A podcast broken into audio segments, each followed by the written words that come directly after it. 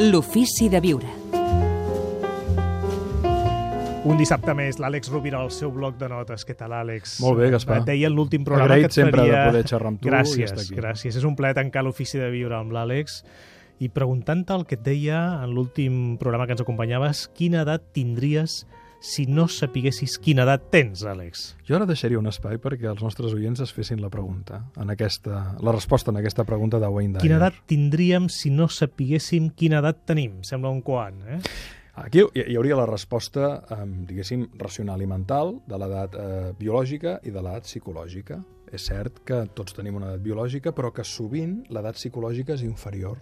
És a dir, jo tinc 46 anys, vaig cap als 47, però si tu em preguntessis quina edat sento que tinc, et diria que a moments em sento com un infant, a moments em sento com un adolescent, a, moment, a moments em, el meu autoconcepte mental em refereix més als, als 30 que als 40.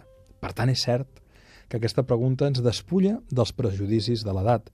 L'altre dia, en acabar el programa, micròfon tancat, tu em recordaves aquesta recerca que es va fer amb avis, que se'ls va posar en un entorn on els objectes que els envoltaven eren objectes de la seva joventut i es va observar al pas dels dies que clarament semblaven rejuvenir-se. Sí, sí, i també pel que fa a les, a les malalties, pel que fa als, als dolors que tenien, eh, o sigui, tot, efectivament, tot millorava. No?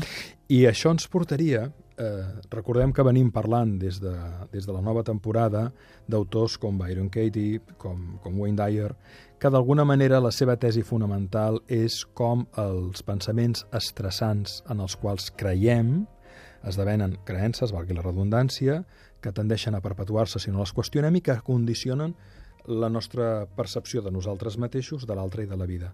Agafem la pregunta, quina edat tindries tu si no sapiguessis l'edat que tens? I fem una derivada. Qui series tu si no creguessis ser qui ets? Mm, que bo. Que bo, sí. Ah, jo en el meu cas, per exemple... Són clar, preguntes, eh? sí, Sí, sí, aquest, sí, sí, sí. Són jocs mentals que el que, gener- el que pretenen generar és un buit. Un buit de qüestions que normalment no ens qüestionem. Però no deixa de ser un joc aparentment infantil, però que pot provocar uh, un, un, buit en, un, un buit en element important. No?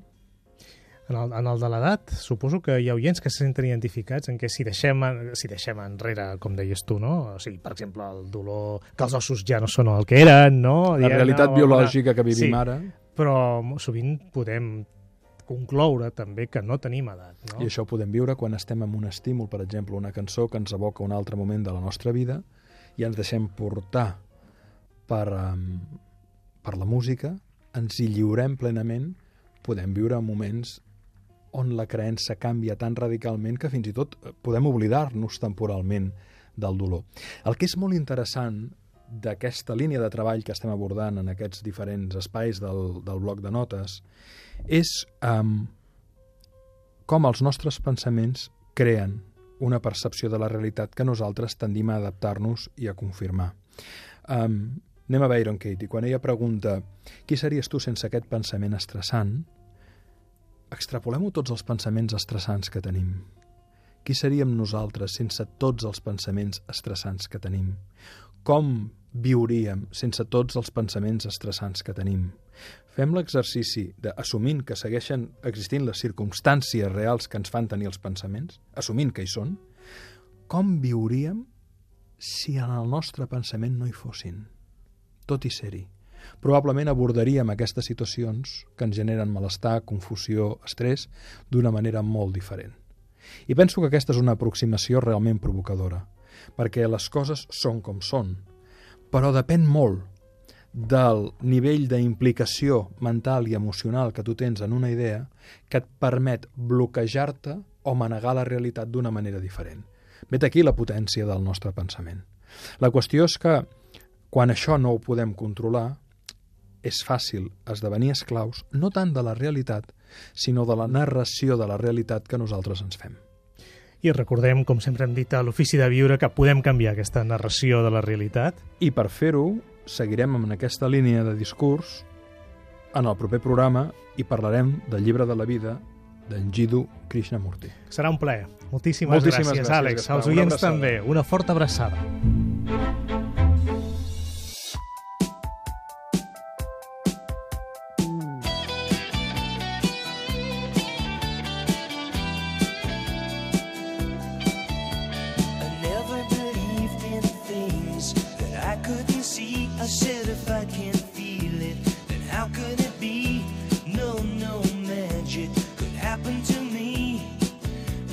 saw you, I couldn't believe it. You took my heart, I couldn't retrieve it. Said to myself, what's it all?